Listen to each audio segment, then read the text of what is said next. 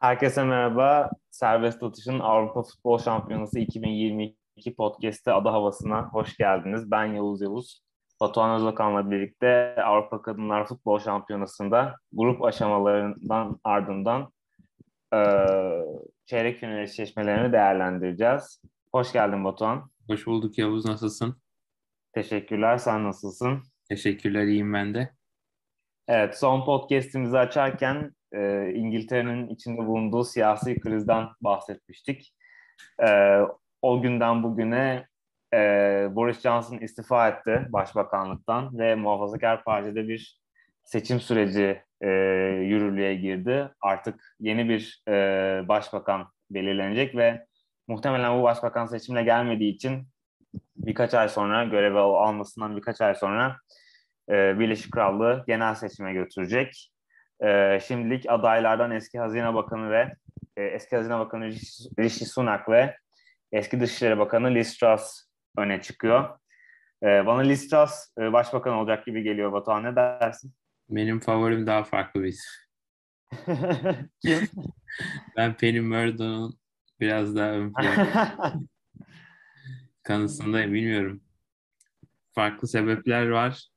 Onu diyeyim ön plana çıkartmama da e, yani diğer iki yani Penny Murdo da kabinedeydi ama e, Rishi Sunak'ın politikaları ve Liz Truss'ın e, yalancılığı demek istemiyorum e, ko, yani ikisinin de aslında yaptıkları e, icraatlar ve benimsedikleri politikalar bence birazcık daha Boris Johnson'ın devamı gibi gözüküyor e, ayrılan tek isim Penny Murdo. Hani biraz daha sanki Patriot havası var o yüzden e, ön plana çıkabilir gibi hissediyorum. Anket son anketlerde de oyu yükseliyor ama bakalım ne olacak. Evet tabii e, uzun süredir özellikle 2010'ların başından beri e, İngiltere çok ağır bir e, göç e, göç politikası uygulamaya başladı. Göçmenlere yönelik işte düşmanca çevre yaratma politikası vardı Theresa May'in. Onu işte Ruanda'yla yapılan e, hukuksuz e, deportation, sınır dışı etme e, anlaşması e, takip etti. O yüzden Muhafazakar Parti artık iyice e, göçmen karşıtlarının, e, göçmen karşıtı politikaların e, yürütücüsü olan bir e, siyasi oluşum durumuna geldi. Tabii e, Boris Johnson da bunun en büyük tezahürlerinden biriydi. Ama senin de dediğin gibi bence de Boris Johnson'ın gitmesiyle Muhafazakar Parti bir e, yön değiştirmeyecek, direksiyon kırmayacak. E, bu bu şey devam edecek gibi gö- görünüyor. Evet bu arada tabii bugün futbol konuşmak için buradayız. E, 19 Temmuz 2022 günü kaydediyoruz bu podcast'te. Bugün e, maç yoktu. Grup karşılaşmaları dün sonuçlandı. E, bugün maç olmaması da bir anlamda iyi oldu aslında. Çünkü Avrupa'yı e, son yıllarda görülen en büyük sıcak hava dalgalarından biri etkisi altına almış durumda. İngiltere'de bugün Londra'da Heathrow Havaalanı'nda 40.2 derece e, ölçüldü ve bu e, Birleşik Krallık tarihinde kaydedilen en yüksek sıcaklık oldu. İlk defa 40 dereceyi aştı sıcaklıklar. Şu dakikalarda da Londra itfaiyesinin bir acil durum e, kararı aldığını e, görüyoruz. Haberlerde e, yangınların artabileceğini artabileceği yönde bir uyarı yapıyorlar. Ve bunlar da iklim değişikliğinin bir e, sonucu. E, 2019'da böyleydi. 2003'te daha kötü bir sıcak hava dalgası etkisi altına almıştı Avrupa'yı. Ve e, bu böyle gidecek gibi görünüyor.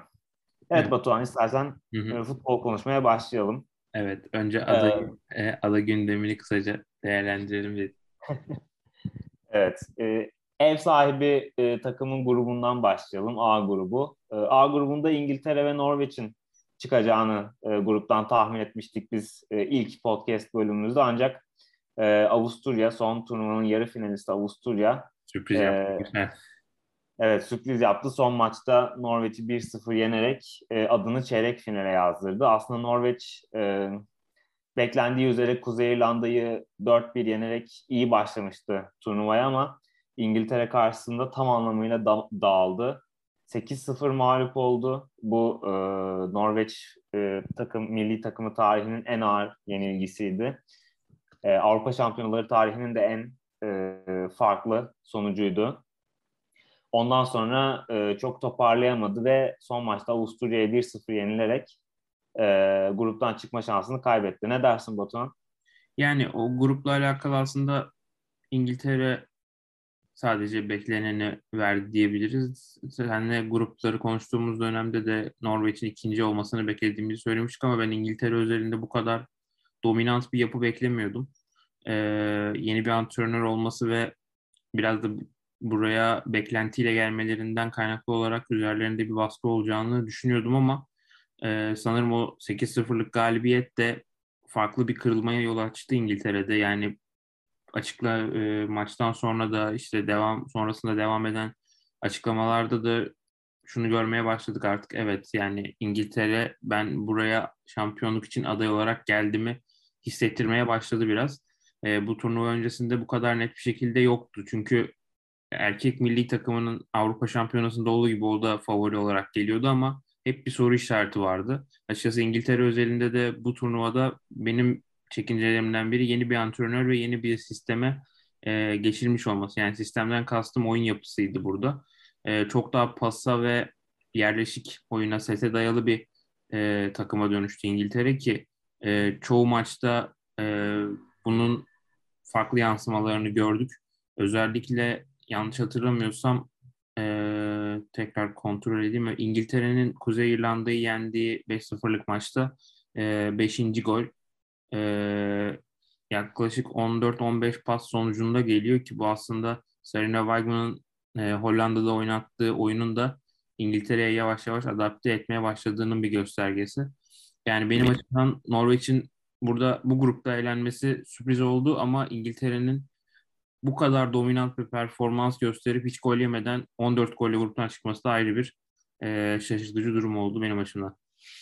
Evet, e, çok güzel özetledim. Ben de kesinlikle sana katılıyorum İngiltere konusunda. Hakikaten e, turnuvayı kazanmaya geldiklerini ve ciddi olduklarını bunda gösterdiler. E, ben özellikle Beth Mead'in e, performansını çok beğendim. Senin Lauren Hamp'i çok sevdiğini biliyorum. O da hakikaten çok iyi bir iş çıkarttı ama e, Beth Mead harikaydı. Avusturya karşısında galibiyeti getiren golü attı. Gruplarda toplam e, İngiltere'nin attığı 14 golün 5'inde onun imzası var. Norveç karşısında da hat-trick yaptı ki e, attığı gollerden daha da fazla katkısı var diğer gollerde ve pozisyonlarda. Özellikle e, İngiltere hücumunda çok etkili bir silah oldu Mead. Ve e, ironik bir şekilde yani Kuzey İrlanda'nın tabii e, grubun averaj takımı olacağını tahmin ediyorduk ama e, İngiltere'yi en çok zorlayan da gruptan çıkan e, Avusturya oldu. Sürpriz yaparak gruptan çıkan Avusturya oldu. E, Avusturya tabii e, rakibi çok böyle e, rakibin kafasını karıştırabilen bir takım e, yaptığı savunmayla. İngiltere karşısında da e, aslında maça iyi başladılar ve erken bir gol bulsalar aslında hem e, maçın hem de grupların gidişatı etkilenebilirdi bundan. E, ama İngiltere hata yapmadı. Bethmead 16. dakikada e, attığı golle ev sahibi takımı öne geçirdi ve üstünlüklerini korudular. Böylelikle Avusturya'yı yenerek grup liderliği yolunda, yolunda önemli bir adım attılar. Ancak Avusturya'nın İngiltere karşısında gösterdiği performans da aslında gruptan çıkacakların işareti e, gibiydi. E, hakikaten Norveç gibi dağılmadan zaten Kuzey İrlanda deneyimsiz bir takım. E, onların e, mazereti var. Ama Norveç gibi dağılmadan e, oyunlarını sahaya yansıtarak e, adlarını bir kez daha çeyrek finale yazdırmayı başardılar. Kesinlikle. Yani İngiltere'yi ben biraz fazla detaylı anlattım. Kalan kısmını sen çok güzel özetledin. Yani Avusturya'nın bundan sonra bu yani Almanya'ya karşı pek bir şansı olacağını sanmıyorum. Almanya'yı daha detaylı konuşacağız ama e, en azından şu ana kadar turnuvaya renk katan takımların başında yer aldığını söyleyebiliriz. Kesinlikle. O zaman hemen B grubuna geçelim mi istersen? Hı hı, tabii ki. Ee, B grubunda aslında ilk bölümde konuştuğumuzda sen İspanya'nın Almanya'nın ardından çıkacağını söylemiştin. Ben de Danimarka konusunda çok kötümser olmadığımı söylemiştim ama e, maçlar seni haklı çıkardı. E, İspanya e, Alexia Putellas gibi önemli bir futbolcusundan yoksun şekilde oynamasına karşın diz sakatlığı nedeniyle e, Putellas e, Avrupa Putellas için Avrupa Şampiyonası başlamadan bitti. E, Ballon d'Or sahibi oyuncu için ama e, buna rağmen evet buna rağmen e, iyi bir e, grup aşaması geçirdiler. Finlandiya'ya karşı erken gol yemelerine rağmen birinci dakikada Linda Saalström'den e, gol yediler ve geri düştüler daha ilk maçta ama e, soğukkanlılıklarını koruyarak e, maçı 4-1 kazandılar ve e, ikinci maçlarını Almanya'ya kaybetmelerine karşın e, son maçta e, gruptan çıkma mücadelesi verdikleri Danimarka'yı yenerek adlarını çeyrek finale yazdırdılar. Yani e, İspanya ile alakalı benim turnuva başlamadan önce daha farklı hayal demeyeyim ama beklentim vardı açıkçası. Yani buraya güçlü gelen takımlardan biriydi İspanya. Senin de söylediğin gibi takımın değil aslında tüm e, kıta Avrupa'sının şu anda en popüler oyuncusu Putea ve e, onun ayrılığı aslında yani ayrılığı e, sakatlığının sebebiyle ayrılmasından dolayı e, ben açıkçası İspanya'da bir kırılma olacağını düşünüyordum. Yani çünkü normal maç içinde bir sakatlık ya da bir farklı bir olay sebebiyle işte yani bir kırmızı kart görür, işte sert bir hareketten ceza alır ya da maç içindeki bir müdahaleden yaşanan bir sakatlık olsa belki çok daha farklı bir reaksiyon vermeleri mümkündü ama antrenman sırasında yani basit bir e, oyun sırasında antrenmanda bu şekilde sakatlanması ve çapraz bağların kopması çok daha büyük bir etki yarattı. Çünkü yani Puteyas'ın denklemden çıktığı senaryoda aslında İspanya ne kadar iyi bir takımı e, düşündürüyordu ve aslında birazcık bunun e, handikapıyla başladılar turnuvaya. Finlandiya'yı yendikten sonra Almanya'ya kaybetmeleri biraz normal karşılayabiliriz bunu ama Danimarka karşısında da hata yapmadan bir üst tura çıkmayı başardılar. İspanya gruplarda İngiltere birlikte en fazla topa sahip olan ve set oyunu oynayan ikinci takım. Ee, yani pozisyon başına ortalama 4-4,5 pas yapıyorlar ve bu şu anda İngiltere birlikte en e, yüksek orana sahip iki takımdan biri İspanya. Yani oyunu çok yavaş kuruyorlar ve e, bunun aslında en büyük e, destekçisi de Alexia Putela'ydı. Putela'ydı. Onun olmadığı denklemde de bu oyunu sürdürebilmeleri ve devamlılığı sağlamaları da aslında e, takım içinde hani Putela tabii ki çok önemli bir oyuncu ama onsuz da e, hareket etmeyi öğrendiklerinin bir göstergesi. Evet, e, katılıyorum sana. E, grubu lider tamamlayansa tahmin ettiğim üzere Almanya oldu. Turnuva tarihinin en başarılı takımı. Gol yemeden e, toplam 9 gol attılar ve 3 e, maçta 9 gol atarak lider olarak bir sonraki tura yükseldiler. Tabii burada ben e, yani Almanya'nın en büyük yıldızı PSG'li Sara Dabbitz.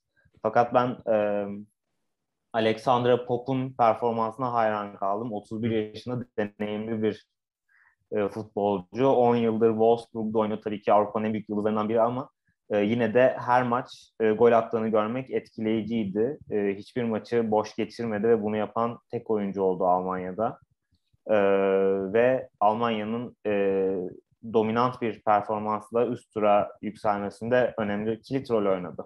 Yani aslında Alexander Pop'un e, senin de söylediğin gibi turnuva aslında şöyle baş ek yapabilirim. Turnuva başlamadan önce konuştuğumuzda Almanya'nın kadrosunun e, biraz değiştiğini ve çok dengeli bir kadro olduğunu yani çok sayıda ne çok sayıda genç oyuncu ne de çok sayıda tecrübeli oyuncu tam e, ikisinin karışımı bir kadro olduğunu söylemiştik. E, hani Putria için söylediklerimiz burada Pop için de geçerli. Yani takımı grup aşamasında sırtladı ve e, Almanya kadrosunun şu anda en fazla e, verim veren oyuncusu konumunda. Evet kesinlikle. B grubuna yapacağın ekleme var mı? Yok yani diğer Danimarka ve hani Finlandiya çok açıkçası benim bu grupta bir şey yapmasını beklemediğim takımlardı. Yani birazcık beklentileri karşılayan bir grup oldu. Yani A grubunun aksine orada hani Norveç biraz sürprizi sayılabilirdi ama burada hani ne bekliyorsak aslında birazcık onu görmüş olduk. Evet, dinleyicilerimize bu arada Danimarka'nın son finalist olduğunu da hatırlatalım. Son finalist e, turnuvaya veda etti. C grubundaysa İsveç ve e, Hollanda bir üst tura yükseldi. E, tabii burada e, puanlar eşitti. E, iki takımda ikişer galibiyeti vardı ve e, birbirleriyle de berabere kaldılar. E, bu nedenle averajda İsveç e, lider olarak çıktı. E, tabii İsveç e, bence turnuvanın İngiltere ile birlikte e, en formda ekibi. Çok sağlam bir kadroları var, çok komple bir kadroları var ve e, bunda sahaya yansıttılar. E, Hollanda ile ilgili e, konuşarak başlayacağım ben ama tabii e, Puteyas'ın sakatlığından bahsettik. Sakatlıklar ve Covid e, turnuvada e, can sıkıcı e, iki önemli e, faktördü. E, Hollanda e, ikisinden de nasibini aldı. Miedema e, Covid e, testi pozitif çıktığı için Portekiz maçına e, çıkamadı. Bu arada şeyi de belirtelim. Sarina Wigman da e, aslında e, pozitif e, bir e, Covid testi verdi. Bu nedenle son maçı kaçırdı. E, Kuzey İrlanda maçını. E, şey eğer negatife dönerse çeyrek finalde takımın başında olacak. E, Lieke Martens de e, bir önceki turnuvanın yıldızı Lieke Martens de ayak sakatlığı nedeniyle Euro 2022'yi kapattı. Bunlar Hollanda için cidden e, can sıkıcı e, haberler. Yani, ee, geneli için de diyebiliriz büyük yıldızların bir bir gitmesi. Kesinlikle. E, tabii Hollanda e, Portekiz karşısında ciddi sıkıntı yaşadı. E, İsviçre karşısında da öyle. E, yani e, Portekiz'i 3-2 geçebildiler. E, İsviçre karşısında da hani e, 1-0 öne geçtiler ikinci yarının başında ama e, İsviçre'nin hemen eşitliği bulmasına engel olamadılar ve maçı koparana kadar cidden e, bayağı uğraşmak zorunda kaldılar. Son e, 10 dakikada gelen gollerle e, 4-1 kazanarak gruptan çıktılar ama bir ara cidden işleri sıkıntıya girmişti ve İsviçre için e, çeyrek final yolu görünmüştü e, gerçekten ama e, tabii deneyimli bir takım Hollanda. Çok köklü bir e, futbol e, kültürü var. E, yıldız oyunculara sahip son şampiyon zaten. E, böylelikle çeyrek finalde ki yerini aldı. Yani Hollanda ile ilgili dediklerine katılıyorum. Sadece şöyle bir ek yapacağım. Ee, bu turnuva özelinde aslında beklentisinin en çok yüksek olduğu 2-3 takımdan biriydi Hollanda ki hala öyle. Ki İsveç maçında da alınan beraberlik aslında o grup için normal sayılabilecek bir beraberlik ki iki takım da aslında o karşılaşmada oldukça dengeli bir oyun gösterdiler. Sonrasında oynanan iki karşılaşma yani özellikle Portekiz gibi e, Hollanda'nın çok altın seviye çok seviyesinde olmayan bir takıma karşı zorlanması ve e, yani sonuçta birazcık e, kim daha fazla atarsaya kazanacak şeklinde bir maça dönmüştü o, o maç karşılaşma. Sonrasında da e, gruptaki son maçında Hollanda İsviçre'ye karşı yani zorlandı. Şu bu e, hem de oldukça zorlandı. E, bu atılan gollerin dakikalarına baktığımızda da işte hepsi 84'ten sonra 3 gol var. Yani bu da aslında birazcık Hollanda ile ilgili bazı soru işaretlerini e, birlikte beraberinde getirdi. Yani turnuva özelinde şu anda çok zorlu bir takımla eşleştiler çeyrek finalde. Yani buradan çıkabilirlerse eğer e, final yolu Hollanda için ben açık olacağını düşünüyorum ama bu güveni şu anda Hollanda veriyor mu dersem açıkçası e, bu düşüncenin karşısındayım biraz. Evet e, yani e, 2-0 öne geçmişlerdi mesela ikinci maçta Portekiz karşısında. Portekiz'in geri dönmesine engel olamadılar. 2-2'yi buldu. Orada da devreye deneyimli e, Van de Donk girdi ve takımına galibiyeti getiren golü attı ama ben de senin dediğine katılıyorum. Hakikaten kaygan bir zeminde yürüyor Hollanda ve e, kayıp düşmesi işten bile değil. E, Hollanda'nın zor bir rakiple eşleştiğinden bahsettin çeyrek finalde. Hemen onu söyleyelim. Fransa ile eşleştiler D grubunda. E, Fransa grubu lider bitirdi. Esas e, sürprizin yaşandığı grup. Evet, e, bu bu bence de en şeker gruptu turnuvadaki çünkü bayağı şenlikli oldu e, özellikle son maçlar. E, tabii e, sakatlıklar Fransa'nın da başına iş açtı. Biz e, ikinci bölümü e, ikinci bölümünde podcast'ın Fransa'nın bir e, kriz içerisinde olduğunu söylemiştik. E, ve e, yıldız e, yıldız oyuncuları Katoto'ya büyük e, iş düştüğünü burada e, belirtmiştik. Katoto maalesef sakatlanan oyuncular kervanına katıldı.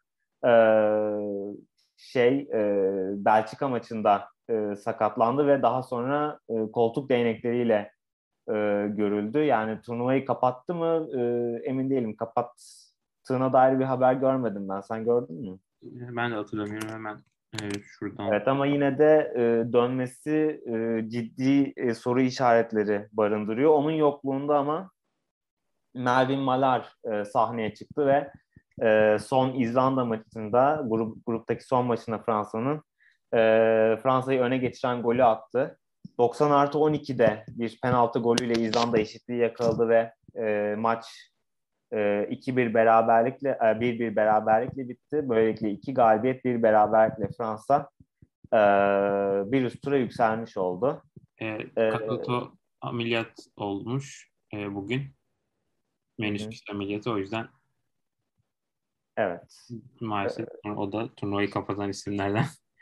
Evet maalesef. evet, tabii Fransa e, Avrupa Şampiyonası'nda daha önce çeyrek finalin ötesini hiç göremedi. Artık e, yarı finale e, geçmek istiyor. E, ama tabii e, bunlar can sıkıcı. E, fakat D grubu e, turnuvanın e, en e, büyük sürprizine sahne oldu. Biz ikinci bölümümüzde bu grubu konuşurken İtalya'nın ikinci sırada çıkacağını tahmin etmiştik. Ancak Belçika son maçta İtalya'yı e, De Cagni'nin 49. dakikada attığı golle 1-0 mağlup ederek e, ilk defa Avrupa Şampiyonası'nda e, çeyrek finale yükseldi. E, İtalya tabii e, deneyimli oyunculardan oluşan bir takım. E, 1990'larda e, finaller gören kadrosundan sonraki ilk e, ciddi kuşağı. Tabii onların da artık emekli olma turnuvasıydı. O yüzden e, damgalarını vurmak istiyorlardı bu turnuvaya ama e, yalnızca bir puanla e, İzlanda'ya karşı aldıkları beraberlikle yalnızca bir puanla grubun sonuncu tamamladılar ve elendiler. Yani İtalya ile alakalı senin de söylediğin gibi aslında belki değişimden önceki son turnuvaydı bu ve birazcık orada da beklentiler yüksekti. Yani tabii ki şampiyonluk bu kadar büyük takımların yani güçlü takımların olduğu yerde İtalya için e, bir anda söylenebilecek bir söz değil ama bu en azından böyle bir performans kabul edilemeyecek durumda şu anda ve kimse açıkçası İtalya'dan da böyle kötü bir performans beklemiyordu. İtalya'nın açıkçası gruptaki 3 maçında da en büyük sorunu savunmadaki dengesizlik ve oyun kurulumundaki hatalardı. Yani diğer işte 16 takımı karşılaştırdığımızda e, İspanya ve İtalya gibi ne çok topa sahip olmak isteyen ya da işte diğer Portekiz, İsviçre, işte İzlanda gibi tamamen topu reddeden bir yapı değil İtalya'nın oynadığı. Daha çok daha dengeli bir oyun oynuyorlar ama bunun e, grup aşamasında özellikle İzlanda ve Belçika'ya karşı sorun yarattığını gördük. Yani orada e, üretim sorunu fazlasıyla göze çarptı ki e, Belçika'ya karşı gol atamadılar. İzlanda ile karşı da berabere kaldılar. Yani tüm bu sorunlar bir araya geldiğinde de aslında İtalya'nın e, artık kabuk değişiminin e, başlaması gerektiğinde farklı bir şekilde gözlemlemiş olduk. Evet haklısın. O zaman istersen biraz e, şeyden konuşalım. E, çeyrek final eşleşmelerinden konuşalım ve bu bölümümüzde e, kapatalım. E, çeyrek finalde İngiltere İspanya ile eşleşti. Bence e, erken final. Evet kesinlikle yani çeyrek finallerdeki en e, lezzetli iki eşleşmeden birisi belki de en e, iyisi en iştah açıcısı. E, tabii İspanya e, kadrosu eksik olmasaydı daha da güzel olurdu. E, İngiltere şu an çok formda görünüyor ama İspanya onlara ciddi sıkıntı çıkarabilecek bir rakip. Kesinlikle yani açıkçası belki biraz iddialı bir şey olacak ama bu eşleşme dışında bence tüm karşılaşmalarda favori, çok baskın favoriler var. Ee, yani Hollanda tabii ki bir anda yaban atabileceğimiz bir takım değil ama sanki orada Fransa çok daha şu anki oyun yapısıyla daha öne çıkan bir e, ülke. Diğer eşleşmelere baktığımızda da Almanya zaten Avusturya'ya karşı çok büyük ve İsveç'in de Belçika'ya karşı çok büyük üstünlüğü var.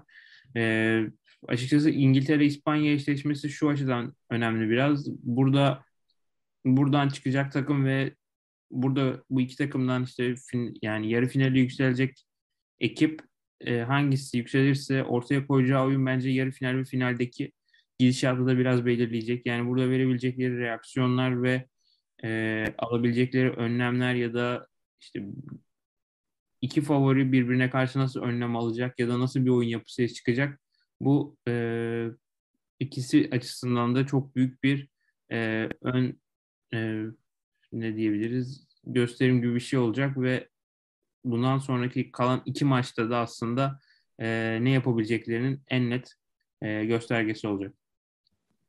Evet kesinlikle yani İngiltere e, ve İspanya yani bu e, eşleşmeden çıkan e, İsveç-Belçika eşleşmesinin galibiyle ki bunun İsveç olacağını öngörüyoruz eşleşecek. Çok büyük ee, olmazsa.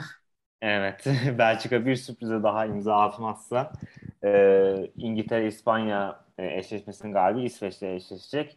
O da şimdiden yarı final için gözleri bizi çevirmemize sebep oluyor. E, Almanya Avusturya konusunda ben de sana katılıyorum. Almanya hakikaten iyi bir performans gösterdi ve Avusturya karşısında zorlanmayacaktır diye tahmin ediyorum ama Avusturya tabii sürpriz yapmayı seven bir takım. E, o yüzden onları da yabana atmamak lazım. Fransa Hollanda e, konusunda ben senin kadar keskin düşünmüyorum. E, haklısın. Fransa e, şu anki oyun yapısıyla ve Hollanda'nın eksikleri de göz önünde bulundurulduğuna e, daha favori görünüyor e, yarı finale, e, ilk yarı finallerine, ilk Avrupa Şampiyonası yarı finallerine yükselmeye çok yakınlar. Ama tabii Fransa da önemli kayıplar yaşadı. E, takım hala biraz e, karmaşık durumda. E, bu nedenle e, Fransa Hollanda'da drama seven e, dinleyicilerimiz varsa e, onların e, ilgisini çekebilecek bir eşleşme olabilir. Kesinlikle. Evet. E, ekleyeceğim bir şey yoksa Batuhan? Yok. Umarım e, yani e, turnuva tarihinin en gol ortalaması yüksek ikinci turnuvası yaşadı gruplar aşamasında. Umarım bu gol e, bolluğu diğer... Birincisi neydi? E, söyleyeyim hemen. Kaydetmiştim onu. E, 2005 gruplarda e, 3.33 ortalama. Yine İngiltere'deki bir e, turnuva. Demek ki İngiltere sahaları e, gol getiriyor. Tabii ilk e, programımızda e, İngiltere'deki stadyum seçimlerinin eleştirilere yol açtığından bahsetmiştik. E, bu turnuvada rekor üstüne rekor kırıldı. Örneğin e, turnuvanın açılış maçı olan İngiltere-Avusturya maçını Old Trafford'da 68.871 kişi izledi ve bu Avrupa Şampiyonası'nın Avrupa Şampiyonası tarihinin en e, kalabalık seyirci sayısıydı. E, onun dışında e, Sheffield'daki e, İsviçre-Hollanda maçını 22.596 kişi izledi. Bu da e, ev sahibinin oynamadığı bir maçtaki en kalabalık seyirci sayısıydı e, Avrupa Şampiyonası e, tarihinde. Bütün bunlar aslında e, turnuvaya ilginin çok büyük olduğunu e, ve turnuvanın da hakikaten bu ilginin karşılığını verdiğini gösteriyor. Ancak e, nispeten küçük stadyumların seçilmesi, grup aşamaları ve çeyrek final, yarı final eşleşmeleri için e, hayal kırıklığına uğrattı. Bu hayal kırıklığını bir kez daha belirtmiş olalım. Final ise 31 e, Temmuz günü e, Londra'da Wembley Stadyumunda oynanacak. Biz yani, de e, turnuvayı takip etmeye devam edeceğiz. Kesinlikle yani İngiltere'nin gündemi hem politik hem de diğer ilk başta konuştuğumuz gibi e, hava konusunda biraz şu an sorun yaşıyorlar tüm Avrupa gibi. E, bunlar olmasaydı çok daha büyük bir ilginin olacağını rahatlıkla söyleyebiliriz. Evet, çok teşekkürler Batuhan. Ağzına sağlık. Ee, evet, ee, turnuva, teşekkürler. Turnuva boyunca e, Ada Havası podcastinde sizlerle olmaya devam edeceğiz. Onun dışında e, serbest atışın Aposto Mail bülteninden ve e, serbest atış alt çizgi co e, Twitter hesabımızdan. Onun dışında serbestatış.co e, web sitemizden e, bizden haber almaya devam edebilirsiniz. E, hepinize iyi seyirler Avrupa Şampiyonası için. Hoşçakalın. Hoşçakalın.